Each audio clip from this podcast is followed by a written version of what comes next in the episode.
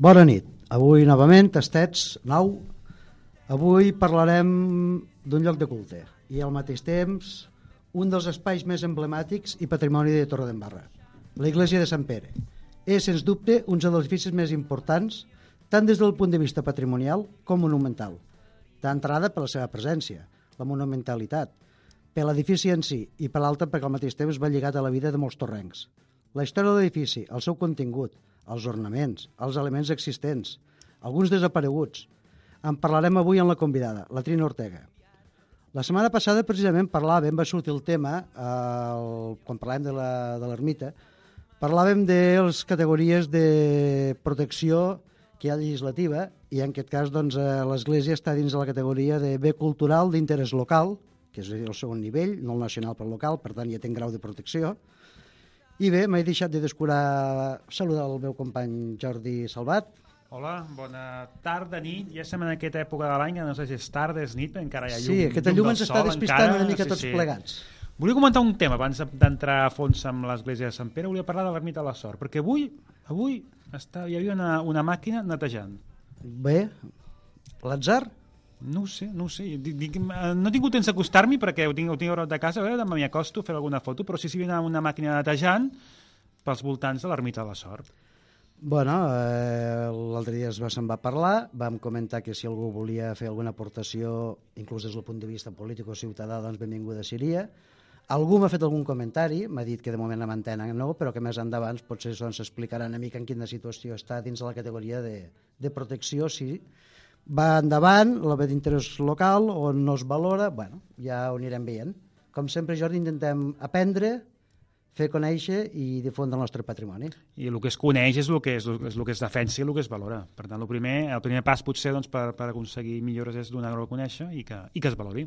Correcte. D'altra banda, abans d'entrar pròpiament dit, al programa tenim també l'Ullà del món, que procurem fer, i l'emmarcaríem cap al 1670-1680, inicis de l'Església, de l'Església actual, i tindríem un moment en guerra, com quasi bé sempre que malauradament parlem, en antic règim, una guerra polaco-turca, una guerra franco-holandesa, un Rússia i l'imperi Otomà també les guerres turco-russes, per tant, doncs, a Ghana, a França en particular, el 1693 tenim documentats dos milions de persones morts en un any per la Ghana. 1.700?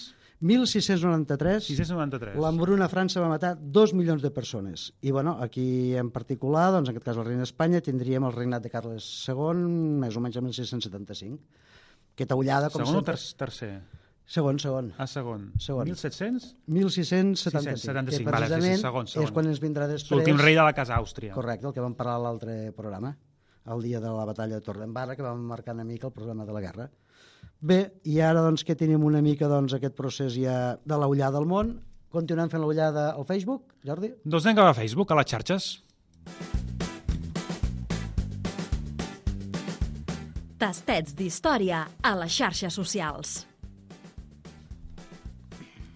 Doncs bé, ja sabeu que tenim una pàgina de Facebook, Tastets Història, no ens hem complicat massa la vida, i eh, us convidem a entrar-hi. Aquesta setmana hem arribat ja als 180 seguidors i, per exemple, hem penjat una foto d'una de, les, de la última guanyadora del premi, del concurs que fem, que és la Júlia Ramon, que doncs, eh, doncs venir a buscar el sobral aquesta setmana i ha penjat una foto ja fullejant, fullejant llibres. Per tant, doncs, convidem a tota la gent doncs, que participa en el programa, que ha guanyat algun premi, que vingui aquí a recollir el premi, primer de tot, que encara en queda algun per, per recollir i que es faci foto i la, i la difondrem. I recordem, perquè avui precisament aquesta tarda venint cap aquí algú m'ha dit, bueno, i per escoltar-vos hi ha una pàgina al Facebook que es diu Tastets d'Història, on podràs veure la imatge, la fotografia que has comentat tu, la foto de concurs... I els podcasts per escoltar, podcast per... per escoltar tots els programes que hem fet fins ara. Ja tenim els vuit programes penjats, tenim les recomanacions, està tot allà, tot el material doncs, per, per repassar tot el que hem fet des que vam començar el programa. Molt bé, i ara doncs eh, descobrim la imatge de la setmana passada. Descobrim la imatge de la setmana passada, que han sigut vuit persones les que l'han encertat. I ara crec bastant fàcil. Mm, Va costar animar-se, eh? Ha sigut, sí? ha sigut resposta que han arribat més a final de setmana que no pas al començament. Bueno, la... és fàcil relativament, era la porta de l'església de Clarà, parcialment, es veia un detall, i curiosament, si ens hi fixem, al dintell hi ha, damunt de la porta hi ha la data de 1842. Sembla que és una data que es va fer en la reforma de l'Església, però que al mateix temps, curiosament, coincideix amb un ordre, en aquest cas doncs, una legislació espanyola, que obligava que els municipis més petits s'annexionessin al més gran. I és quan ja Clarà com a municipi deixa de desaparèixer i passa a formar part de la Torre d'Embarra com coneixem avui dia. Per tant, doncs, no és una curiositat que la mateixa data coincideixi, però recordem, l'Església, la porta de l'Església de Clarà.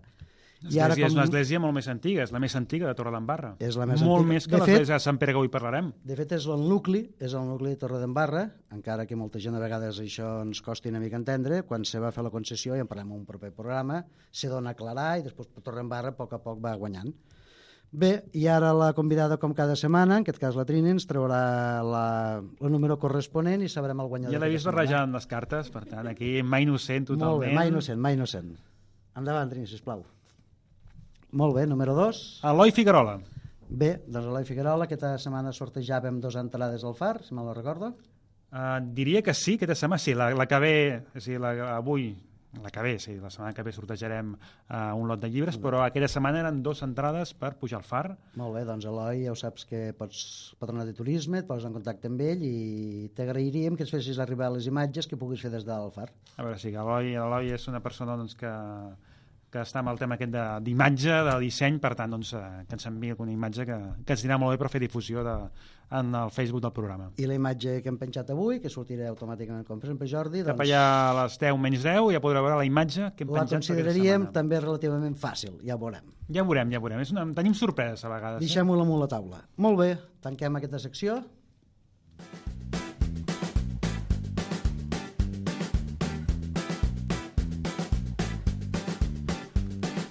Doncs bé, el que farem doncs, és uh, fer una mica doncs, presentar la convidada, fer una mica doncs, de, de currículum, de trajectòria per, per situar-la una mica entre els oients que no la coneguin, que segur que molts, molts ja la coneixen.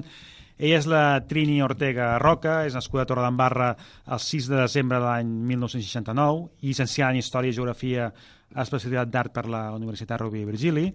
També doncs, va obtenir la suficiència investigadora l'any 2001 dins el, dels cursos de doctorat corresponents al programa, al programa al projecte europeu és membre de la Unitat d'Investigació del Cinema de la URB fins l'any 2002, eh, diplomada en Ciències Religioses de, per l'Institut Superior de Ciències Religioses de Sant Fructuós de Tarragona, ha estat comissària d'exposicions, eh, col·laboradora docent a, a la URB, també professora de religió a l'Institut Ramon de la Torre, eh, membre del Consell Pastoral de Torre d'Embarra des del juny de l'any 95, Eh, bueno, és un currículum molt ampli eh, que també doncs, podem eh, comentar que col·labora en diverses publicacions eh, com la revista Ondarra i com a assessora d'art, i també va ser membre fundadora d'una revista molt efímera, que ara en aquell moment, quan he vist el nom, me n'he recordat, que és la revista Anvara, de la qual només em van sortir dos números, una cosa molt típica de Torredembarra, aquestes revistes que, que arribaven doncs, a, a pocs números.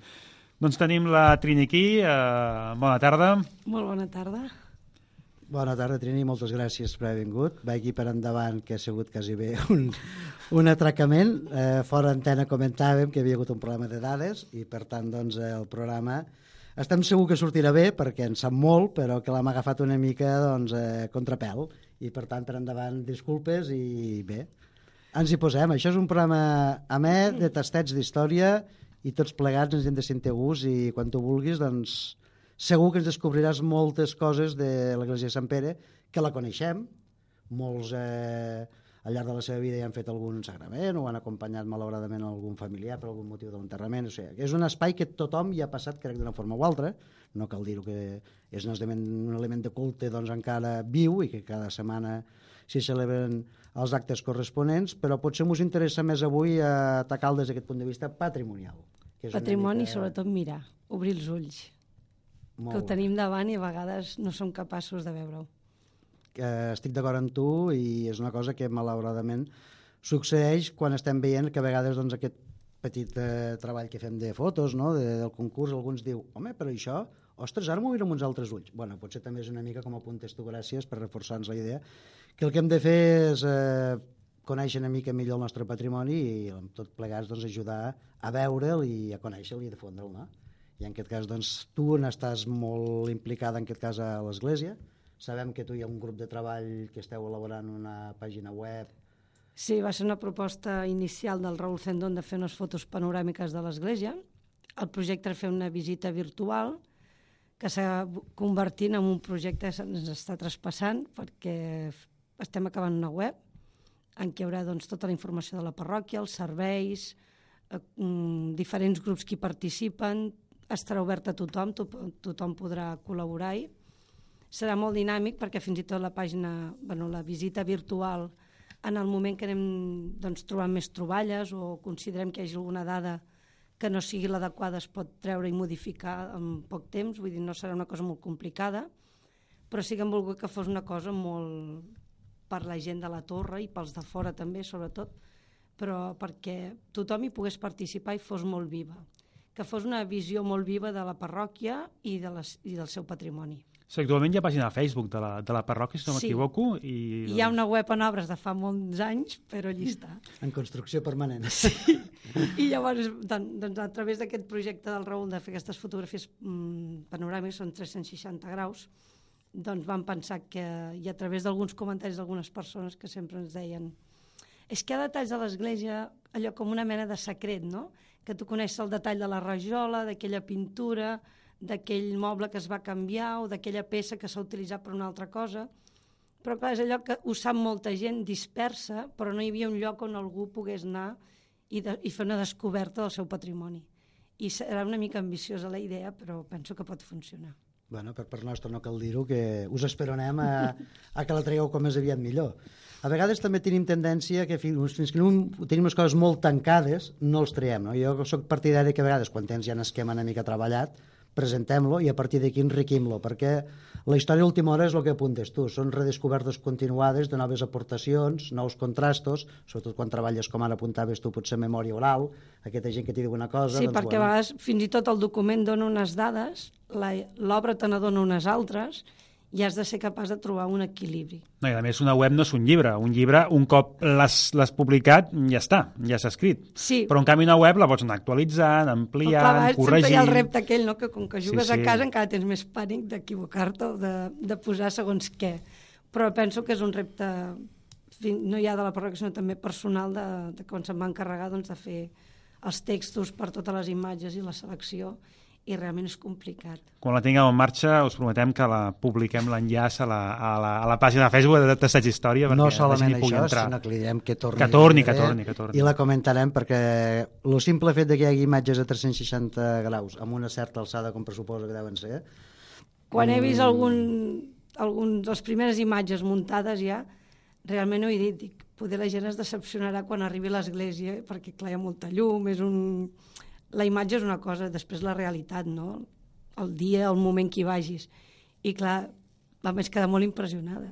Havia vist el Vaticà, havia vist altres obres, grans construccions, i veure l'església de la Torre realment vaig pensar, oh, és que estem a l'alçada, no? És impressionant. Avui en dia amb, l'ordinador pots fer meravelles, i sí. sense enredar visualment a la gent, no? Mhm. Però vull dir que sorprèn el resultat. L'estem esperant. Però mentre, avui, Trini, podríem anar fent un repàs al llarg de la història, l'edifici, l'interior, i arribarem, com sempre, on arribem, perquè el programa, quan lo comences a preparar, dius, ai, ai, ai, que s'estirarà el temps damunt, i crec que avui s'estirarà el temps damunt, però bé, comencem per l'antigó, en aquest cas doncs, aniríem a parlar una mica de l'antiga església. Mm. Ja ha situat un emplaçament amb un plànol de Bolier, relativament conegut, doncs, que situa l'església aproximadament en ara estaria l'actual. Sí, en, sobretot en els peus de l'actual, allargat cap a l'abadia, cap a la casa de mossèn, i és en aquella zona i és curiós perquè es conserven els noms dels carrers i tota l'estructura és la mateixa. I és una de les primeres imatges que tenim, és un gravat i és una d'aquelles peces... Sí, de fet és l'únic que ens permet conèixer una mica l'estructura urbana de, de mm. Torredembarra, perquè és el primer, tot i que quan comentàvem fora antena ja ho hem comentat, és un plano en principi per un enginyer fet des del punt de vista defensiu, però que no deixa de ser molt ben radiografiat els carrers, Sí, més és el, el context que pots trobar, que això et permet després poder desenvolupar altres informacions. per tant, allí tenim documentat una Sí, les primera, primeres imatges. Una primera I església, la planta i l'alçada, vull dir... una primera església que després cap al segle ja XVI entraríem, que la universitat, en aquest cas entès la universitat que seria com l'antecedent de l'Ajuntament perquè Sí. la gent ens entengui, un grup de proms, que contracta el mestre de casa de Tarra- de Tarragona, no? el Mm. Bernat Casany, Sí, el Bernat Casany. i a partir d'aquí podríem dir que comença una mica l'obra del nou espai, el nou edifici. Sí, començarem a, a reemplaçar estructures, a anar creixent fins al 18. que és quan agafa l'empenta més grossa. O sigui, se, seguint una mica l'ordre cronològic, doncs intentaríem situar-nos, el segle XVI doncs, eh, comença, al segle XVII se fa palès que potser no era prou gran mm, i per tant calia suposar que Torredembarra havia tingut un creixement poblacional. Mm. Algunes fonts apunten que cap a llavors hi havia unes 800 persones, per això dels focs, la demografia... Tots sabem depèn... que enredava una mica el cens. Sí, i depèn de quin autor doncs, ens situa 800, depèn de qui se'n va cap als 400 i algun altre se'n va a la llarga, per tant deixem-ho terme mig, que sí. és potser una mica unes 800 persones.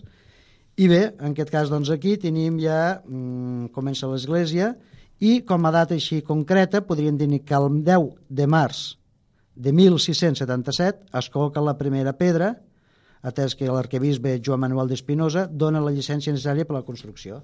I aquí podríem dir que arranca doncs, una mica la, la, la construcció, o creiem que arranca una mica la construcció d'aquest edifici que coneixem avui dia, tot i que després ja anirem parlant, com apuntes tu, els refets posteriors que es fan al llarg del 18. Sí, perquè és, és, una cosa és que afegis l'ampliació, construeixis el campanar, que remodelis molta gran part important, però realment és que és a base d'anys de transformació i de revisió de les obres i construcció total eh, més o menys, pel que tenim datat, no? sobre el 1000, repetir, 1197 primera pedra, i al cap de dos o tres anys, el 1680, sembla que, doncs, que eh, ja es beneixen les primeres obres. Sí, seria cap al 1680 quan es fa l'última, la tercera etapa que tanca la construcció principal.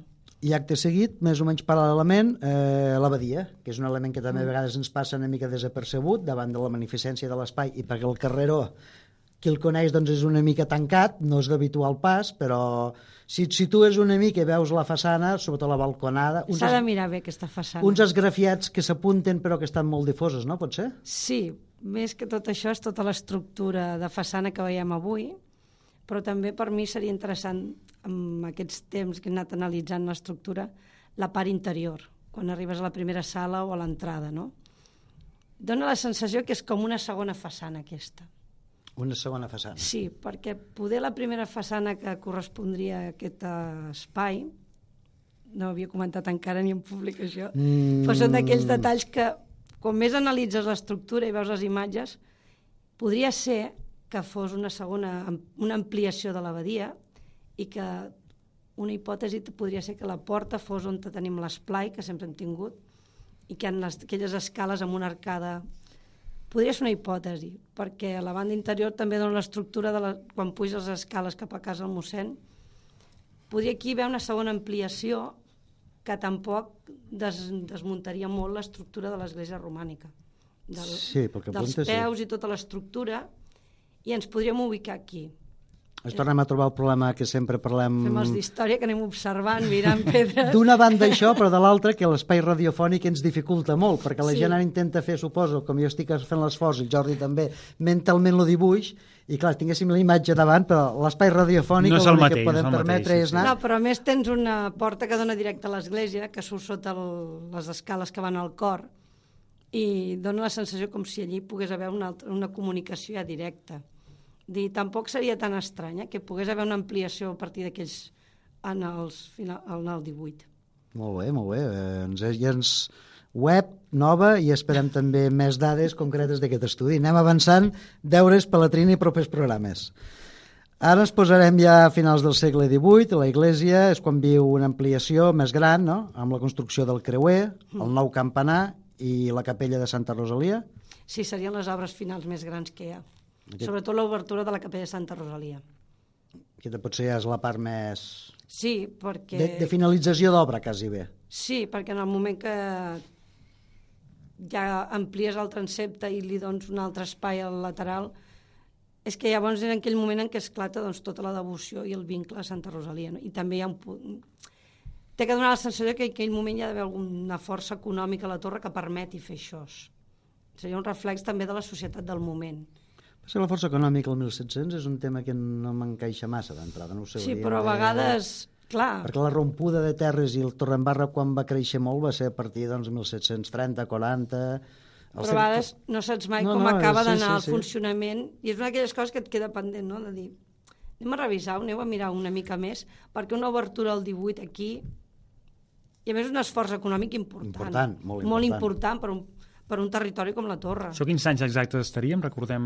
eh, 1700, mil- 1700. 1700 Sí. eh, representa que, bueno, representa, la tenim datat, que el 1710 ja el campanar funcionava. Vull dir, s'expedia, en concret, el 16 d'abril de 1710 hi ha una llicència per venir la Per primera tant, és en plena, en plena guerra de successió.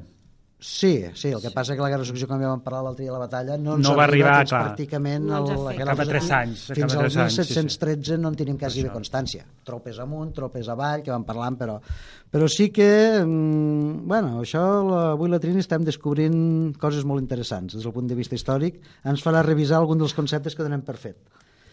Eh, 1710, campanar ja ho tenim i sembla ser que tenia que ser una cosa... No, sembla ser, és, és impactant, És, és. perquè doncs, en particular un cronista del 1794, es refereix al 1794, Rafael Amat, que és Baró de Maldà, fa amb aquell textes d'abans, diu, i luego verem a la vila d'Altafulla, i lo campanar quedava sense guarniment sobre el rellotge, com no anys atrás, no li negaré importància. Un quart després passaren per la famosa vila de Torredembarra, sent llavors dos quarts de deu. I quin campanar que és lo de Torredembarra? Per tant, se va quedar impactat.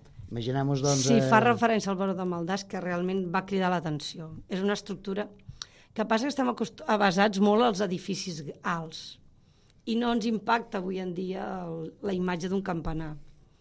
Mm, 50 anys enrere o 60, la gent, jo recordo fins i tot aquí a Torre sempre hi ha la referència del Géminis com a edifici més alt de la torre, que va ser el primer més alt, no? I, i sempre la gent quan parla és la referència arquitectònica, no? I clar, el campanar marca la pauta estètica i visual de tot un territori. D'un a l'altre pots visualitzar el, del, de l'altre del costat. I que és una imatge mm, molt representativa d'un lloc, d'un poble. És quasi com si fos la targeta de presentació. És el primer que veus, el castell de la torre i l'església. De fet, el campanar potser és el que es veu més. El castell és molt, molt monumental i eficient, però depèn de com vinguis, de quins Sí. carrers, clar. El Sí, dic, la l'esca- punta del campanar, la punta, sí, la l'eskyline, punta del campanar. l'agulla, si seguim la venint veus... d'Altafulla i de la Riera, el primer que veus és el campanar. I el cor, els ulls se t'anivan, se t'anivan directe. El castell, al ser més plan, els ulls no et criden tant, però el campanar puja. Llavors, a l'elevar-se, t'estira els ulls. I és una, una carta de presentació important. Per això no és casualitat que els campanars tinguin una potència visual important i que s'hi esmerci molt d'estona en l'element estètic, decoratiu, perquè pugui cridar l'atenció.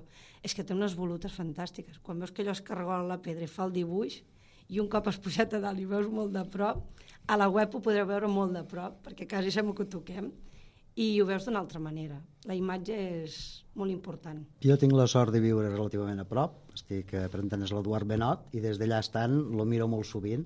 Aquests objectes que dius tu, inclús de decoratius, de volutes, vaig veure una mica la rehabilitació que es va fer, o la, la posada al dia, més que rehabilitació que va haver, i realment era impactant a nivell ornamental. El que passa, clar, l'alçada dificulta que ens hi apropem, per tant... Bueno, a vegades no aixequem el cap, que és diferent. Tenim una perspectiva molt bona avui en dia des de la plaça davant de l'església i els bancs que a la Torre de la Vila i realment és un espai per seure-s'hi una estona i sembla que ens costi visualitzar. Però, curiosament, amb el frontó que ha a la porta lateral sempre ho he explicat, que en el moment que vaig fer l'article sobre els símbols cri- paleocristians i vaig utilitzar la imatge del crismó que hi havia doncs, fins fa poc allí, que es va fer malbé, doncs molta gent em va dir oh, és que fa molts anys que hi entro i mai l'havia vist. Dic, home, si fa 20 anys o 30 que entres i no t'hi has fixat, És perquè no has mirat. no aixequem el cap, acostumem a anar amb els ulls a terra.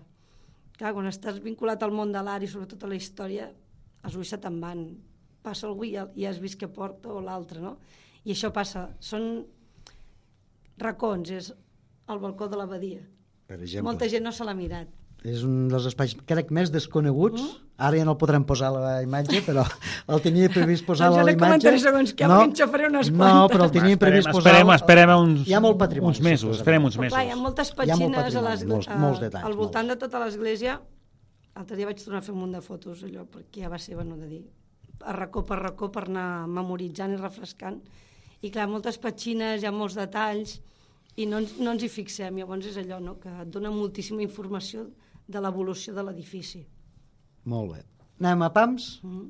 Situem-nos, acabes de parlar del campanar, un campanar que tenim, si no m'erro, 37 metres 0,8 d'alçada, vull dir, estem parlant de quasi 40 metres. Sí.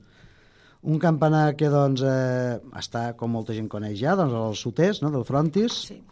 i que d'altra banda doncs, té planta quadrada, Mm. tot i que és octogonal a la part superior. Sí, és el segon, tercer pis que es modifica, sí. Aquest és el que es va modificar posterior i és on entraria sobretot aquests elements decoratius que apuntaves, potser que estan molt... Sí, és que és la gràcia. Puja rectangular i llavors agafa aquest moviment. I clar, és allò, també té un punt de molt barroc, no? El moviment de la peça, que sembla que no, però ja sabem que és pedra, no? I que no es bellugarà. Però el fet de canviar de forma geomètrica produeix un moviment en l'obra.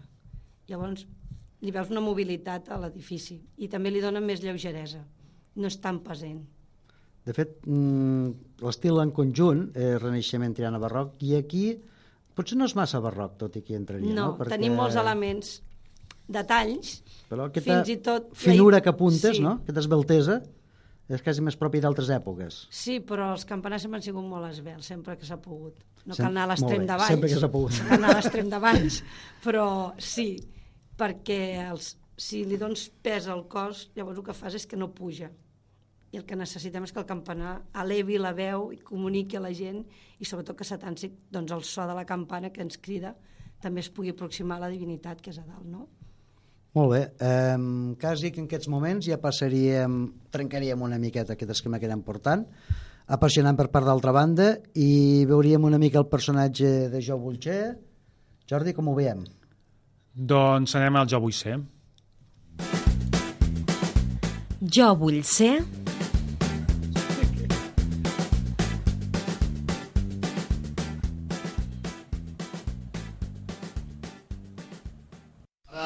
Sí, sóc eh, Núria Gómez i de fet si hagués de pensar en un personatge històric que m'agradaria moltíssim haver sigut seria Mañé Flaquer, el periodista perquè és una persona que molt vinculat a Torredembarra, s'ha pogut perman per ser permanent a la història, va fundar diaris, va ser un periodista de primera magnitud, va fer un lligam molt important amb una altra part d'Espanya, com és el País Basc. Per tant, tot això configura una persona que a mi em fa enveja, m'hagués agradat molt ser, de no ser Núria Gómez.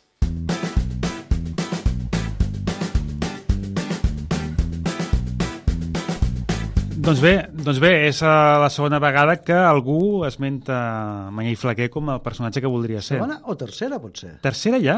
Perquè va haver la Raquel, la, la dona de la torre d'aquí, la, que ens ho va dir, em sembla, i algú altre, em No, sembla. la Raquel no va dir una dona, la Raquel. Al final no, va dir que volia ser una dona, però em sembla que al final per tema... L'Eix Figueres va dir també...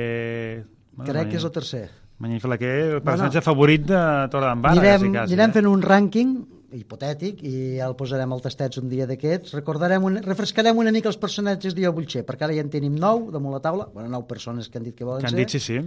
i encara en queden molts altres per, per descobrir. Home, queda, molta, queda molta gent per dir jo crec que anirem, I personatges altres que, personatges. que no cal tampoc, que recordem a la gent que, que surti en antena, que tinc ganes de, quan els agafem aquí a l'emissora, val? que no cal que siguin grans personatges, que poden ser perfectament personatges del dia a dia, vull dir que per tant doncs, obrim una mica, com diu abans ens deia la Trini, obrim els ulls, eh, aixequem la, la mirada i potser eixamplem-la, no ens quedem amb els proms.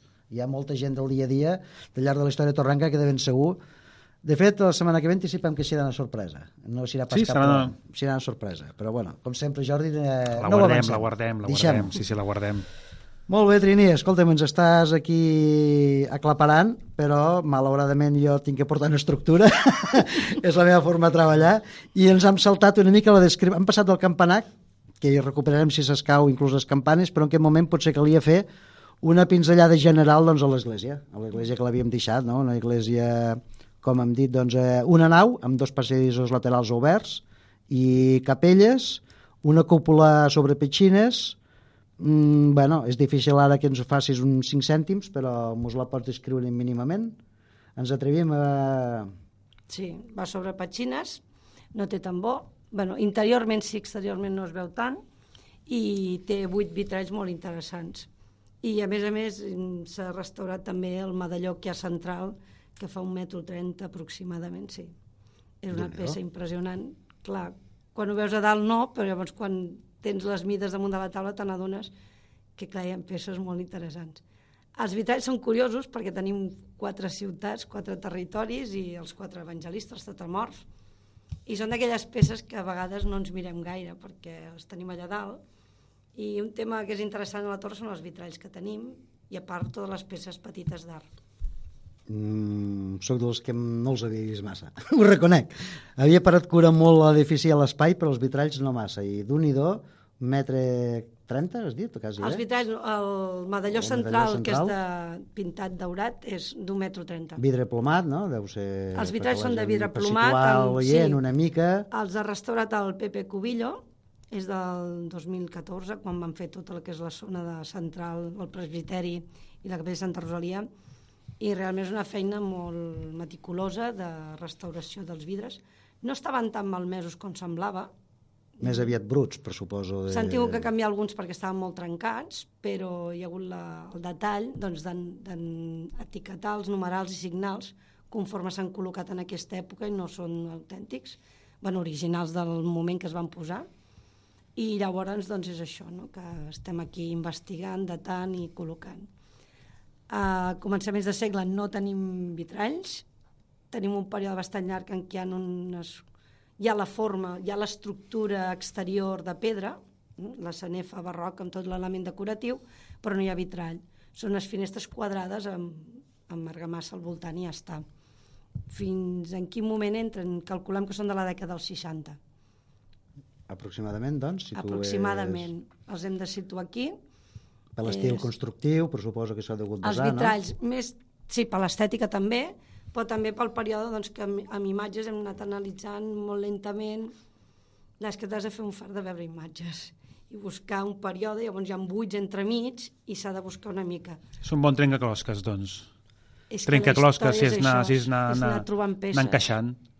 Trobaràs un detall avui i d'aquí un mes o d'aquí uns anys en trobaràs un altre. I hem anat encaixant com hem pogut tot. I has apuntat un dels elements molt interessants, que és que quan se fan obres de rehabilitació s'afronta, que l'altre dia ho parlàvem també, no com caldria rehabilitar alguns espais, com l'altre dia dèiem l'església, o perdó, la capella de la, de la sort, de dir, quan, eh, quan rehabilites què fas? Vull dir, mm, fas veure que el que hi ha és vell, eh, marques molt clarament el que és Bueno, nou... fa temps que la museografia i l'arqueologia i tot això va cap a un altre cantó. Procurem no imitar el que tenim, que es vegi la diferència. I llavors, si tens un vitrall que es veurà molt exacte, el que ha fet el Pepe Cubillo és marcar-ho, posar qui ho ha fet i en quina època. Llavors queda datat en el vidre. D'aquí 20 o 100, 30 o 40 o 100 anys o qui sigui, en un moment donat se't puja, restauren els vitralls al treball, trobarà doncs, que hi ha uns vitralls d'un moment i els altres d'aquesta època. S'ha de documentar, però tampoc cal anar... El No, no, vitrall, no. evidentment, necessites donar-li la tonalitat, la textura del vidre i tot que sigui idèntic als que han posats. Per això els marquem, perquè quedi documentat. Els altres no es llencen, es deixen catalogats, doncs ensobrats i que no es facin malbé. Més el que estan. muse, un tractament museogràfic, el que esteu fent. Sí, doncs. perquè no saps mai què pot passar. Molt bé, molt bé. Anem molt bé, Núria, ai, Trini, perdó. Eh, teníem por de que ens quedéssim curts i ens quedarem curts. ens quedarem curts. Dimensions, a veure, dimensions. Estem parlant de una nau de tren- quasi 40 metres, 9,27, 15 per 31, llargada, amplada i alçada, i unes capelles laterals de 17 metres, la cúpula arriba als 23, quasi 24 metres, vull dir, en alçada que molts campanars d'altres poblacions no hi arriben, No. vull dir que per tant, doncs, d'un i do. Eh, tenen una mentalitat que a vegades jo personalment, que sóc de fora, me l'he mirat i he pensat, mm, d'un i do la monumentalitat d'aquest espai, d'aquest edifici, no? Vull dir, a què pot respondre? Has apuntat tu abans que podia ser, no sé, algun tema econòmic, doncs, però sobta, me, me segueix... Sí, no sé, crec que hi ha alguna i s'ha de trobar amb temps i paciència, no és allò que puguis dir avui demà per demà al matí, ni trobar un document i ja ho he trobat tot, sinó que s'han d'analitzar molts de factors. La torre en moments de la història té potència econòmica, però també estem entre Tarragona, el Vendrell, estàs en, en un punt intermig i la torre sempre ha sorti, sobresortit al voltant de tota aquesta contornada que tenim. Llavors jo crec que en algun moment hi ha una necessitat també de reforçar que ha crescut la població, però també de donar un prestigi. I llavors és on es reflecteix sempre, en l'Església. Sí, però a vegades ja saps tu també que això se produeix eh, millorant el que tens. Vull dir, tens un edifici i el que fas és la riquesa ornamental. En aquest cas és clar, constructivament ja tenia que estar plantejat molt gran, molt alt, Aquest és un tema que a vegades, doncs, bueno, personalment m'he reflexionat alguna vegada dient i veig que encara ens queda molt per a Hauríem d'analitzar també les del voltant, les esglésies del voltant, sobretot Altafulla, sempre miro cap a Altafulla perquè és el paral·lel nostre, i abans has d'analitzar també com és que l'altre té allò i quan ho té, i llavors també aquest punt de rivalitat sembla que no hi sigui damunt del paper. La competència, carrer. sí, ens sí. estimem molt, però també ens busquem una mica, no? I a vegades tu desenvolupes una arquitectura o uns elements decoratius més forts, més, més contundents, poder perquè l'altre se t'atansa massa, no? Llavors vols que hi hagi una diferència. I això ens ha passat en molts espais, en molts llocs ar- arquitectònics, que no comprens aquella evolució d'aquell edifici fins que analitzes el context de la contornada. Sí. Eh, El de la la context- no es queda cura, el campanar. És interessant, No. és molt vistós. Vull dir que tenim campanars molt junts i alhora molt vistosos i molt potents. Llavors no és casualitat, vull dir, hauríem de, de fer una anàlisi una mica, no són casualitat els campanars. Tens Home, tenim la Pobla, córrer, eh? la Pobla de Tenim- Montornès, que també, eh, déu-n'hi-do, també. Ara, ara vinc de la. Pobla, jo que m'hi fixava i mm, també... Els Clar, elements decoratius de l'interior de l'església són molt interessants de la Pobla. Són sen- senzills, però hi ha coses que et donen pistes històriques. Anem avançant? Sí, sí. Trini, anem avançant, perquè és que... M'enrotllo, és el meu. No, no, no, no, fas bé, fas bé, fas bé. El que passa que ve que tenim el tema que quasi hauríem de fer un programa només per dedicar-nos a parlar del de dins de l'església, perquè encara estem, que no hem entrat quasi bé. Encara estem parlant de l'estructura i ens queden les dos portes. També té dos portes, curiosament, que altres Sí. esglésies no tenen. Vull dir, tenen la Sí. porta que dona a la plaça. Tenim la porta principal, que dona al carrer Joan Güell, i tenim la porta lateral, que sempre l'hem dit així, la porta lateral, i que, bueno, a vegades la porta lateral sembla que no sigui important, perquè tots ens fixem en la principal. A més, la, realment la principal decorativament és un caprici, és un, molt bonica. El que passa que al quedar en aquell carrer tan estret, poder la gent no té tanta tendència a observar-la. No hi ha quasi bé perspectiva, jo ens crec. falta perspectiva allí. Però realment val la pena parar-se una estona, té un podi molt alt, damunt té la columna, els capitells són preciosos, no és una columna estriada normal, té un tros que està reomplert, fins a mig, mig tronc, no? vull dir, és allò mig fust, i té un frontó interessant, vull dir, està partit, està molt decorada. El que passa que com que la tens a casa i passes cada dia, no te la mires tant. Però jo penso que és un punt a admirar i a gaudir doncs, dels petits detalls. I la porta lateral és curiosa Ara anava a perquè... dir, el lateral, que potser ens donen a perspectiva, no? el frontis, la triangle... El ser menys, mm, ser la lateral sempre hem tingut una mica de banda, no? I bueno, amb el tema doncs, que el moment que es va fer amb el vel frontó, perquè era, no era pedra, era un material més feble, i a més com que al tocar tot el frontó que s'havia de restaurar, doncs es va escardar, es va patar, bueno, però no passa res, tampoc has estirar-se les vestimentes. No era un, una peça artística que diguem de primera línia, era senzillament un crismó amb incisions en, el, en, la, en la placa que hi havia, però clar, després analitzant postals del 1907, mil- de l'ATV, per exemple, que és la del 1905, que Àngel, comença... Àngel Toldrà Visqueiro, el fotògraf que feia... Sí, de Barcelona. Doncs clar, ell comença a treballar el 1905 fins al 1917.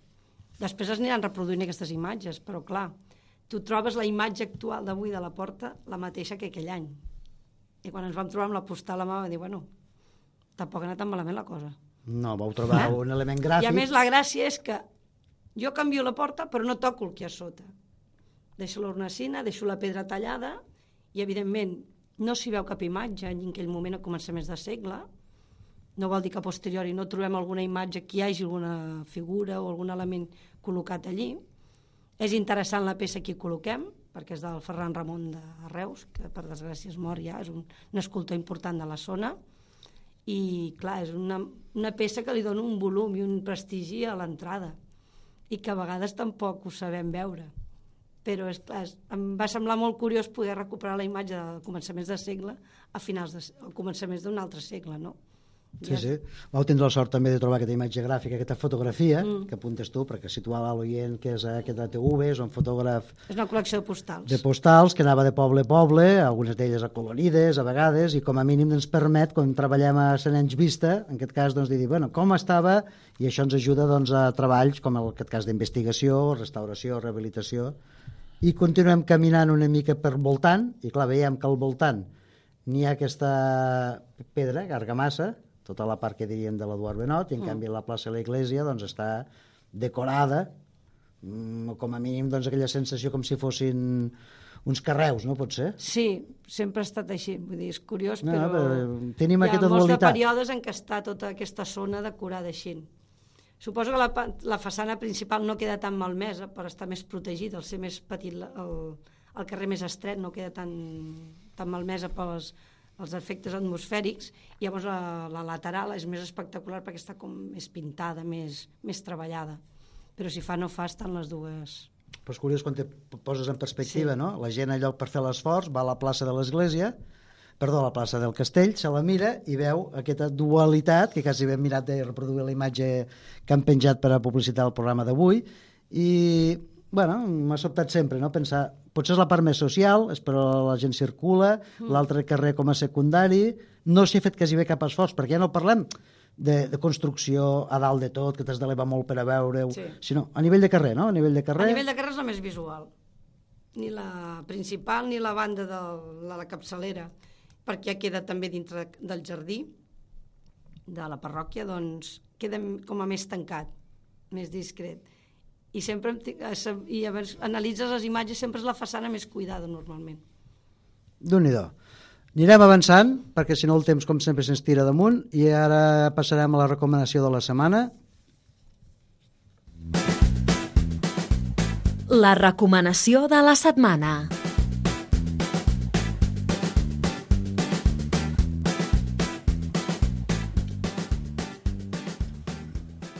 Molt bé, la recomanació de la setmana eh, ens remet a un treball que es diu Les pors republicanes de Rosalí Rovira, en aquest cas de l'autor Carles Blanco, que vam tindre aquí com a convidat en un programa. Eh, està publicat en un recull de treball xet del 2004. I qui era Rosalí Rovira Oliver? Sabíeu que va ser fill il·lustre de la vila?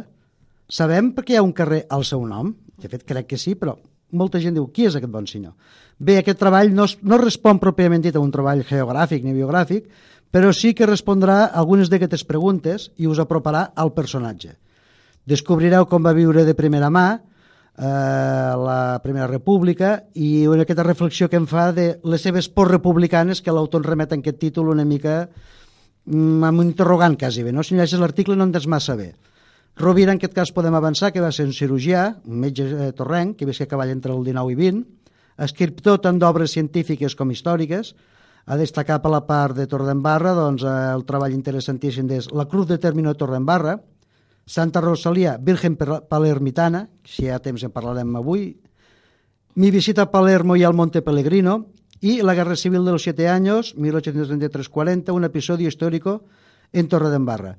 La podreu enllaçar a la pàgina al Facebook i el podreu visualitzar a través d'aquest repositori que accedem els treballs del recull de treballs, que es diu el racó. I bueno, us recomanem que hi entreu també, entre altres coses, per veure qui era Rosalia Rovira i què va fer, eh, perquè va fer una sessió al municipi interessant i ho deixem aquí, com sempre. Doncs sí, que la gent entri, ho penjarem la setmana, aquesta setmana, si demà o passat demà ho pengem i convidem a, a llegir aquest, aquest article del, del Carlos Blanco.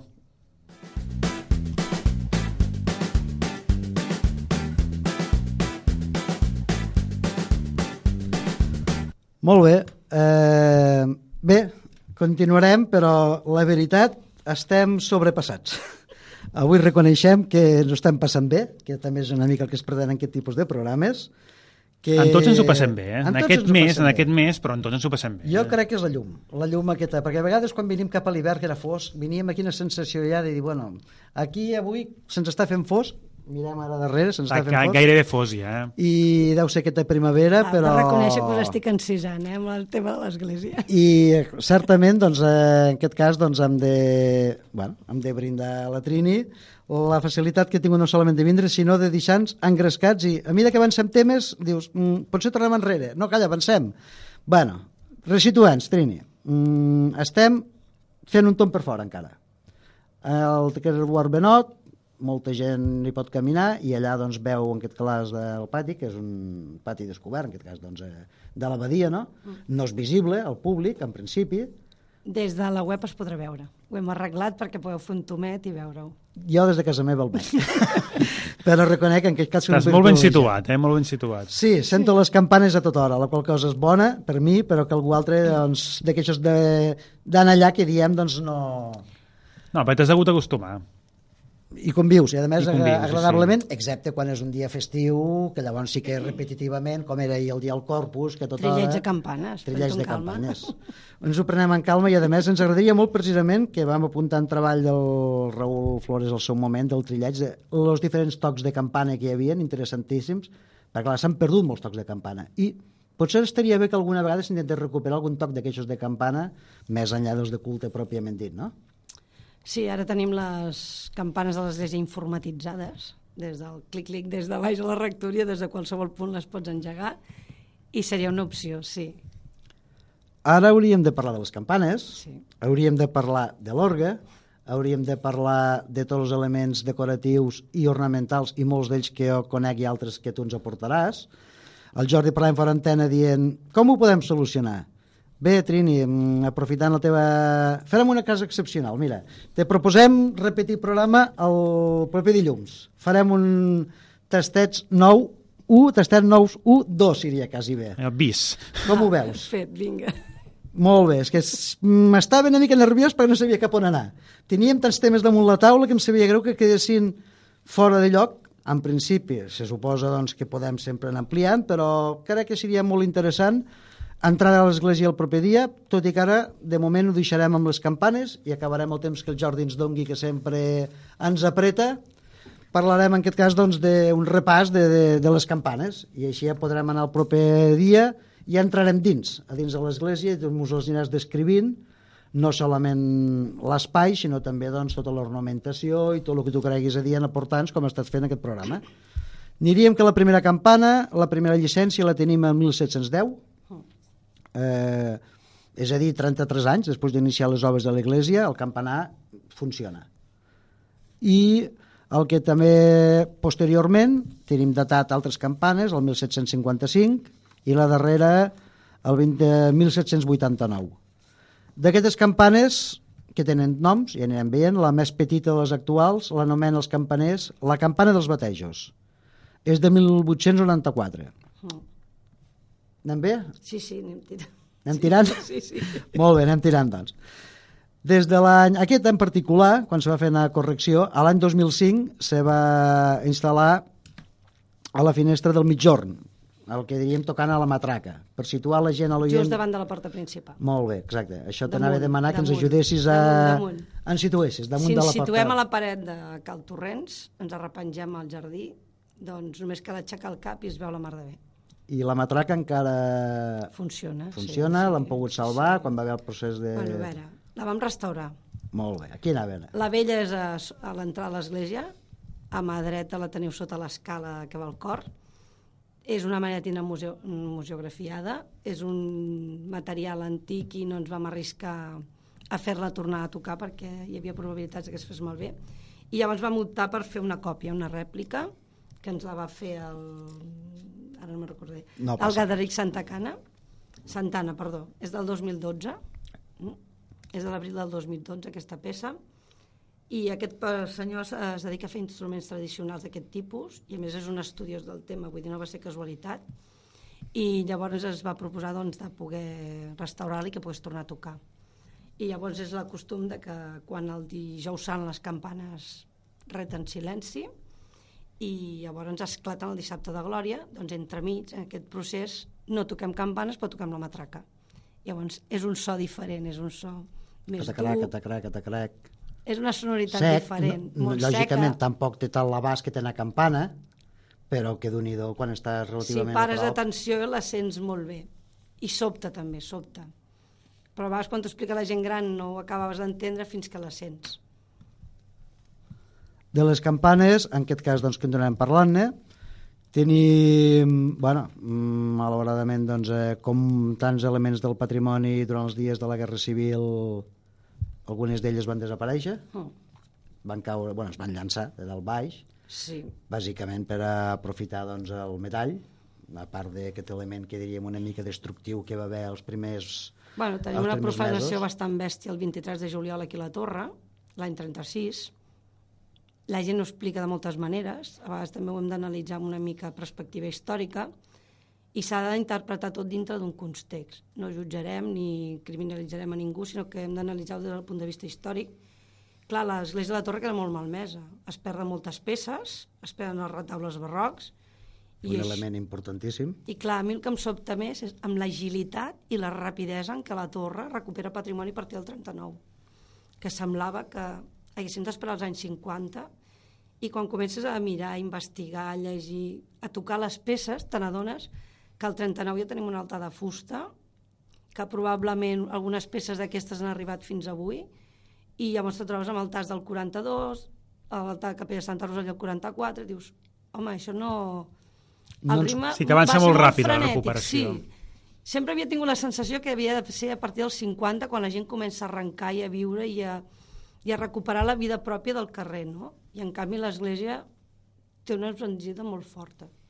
També s'ha de dir que molta gent i gent potent econòmicament s'hi va involucrar i estava vinculada a la parròquia, tot s'ha de dir. Molt bé, anirem quasi bé acabant aquest primer tastets 9-1 i farem el bis la setmana propera. Parlarem d'història, parlarem de l'interior, parlarem d'un element importantíssim i capdalt com és l'orgue, parlarem dels altars, els ornaments, moltes coses més. I ara, per anar acabant, sentirem l'orgue de Torrembarra, precisament, tocat amb un gran organista que té gravat, el Carlos Seixas, que tinc entès que és un gran organista, i que una sonata de major per anar acabant aquest programa i fent un tastet pel proper.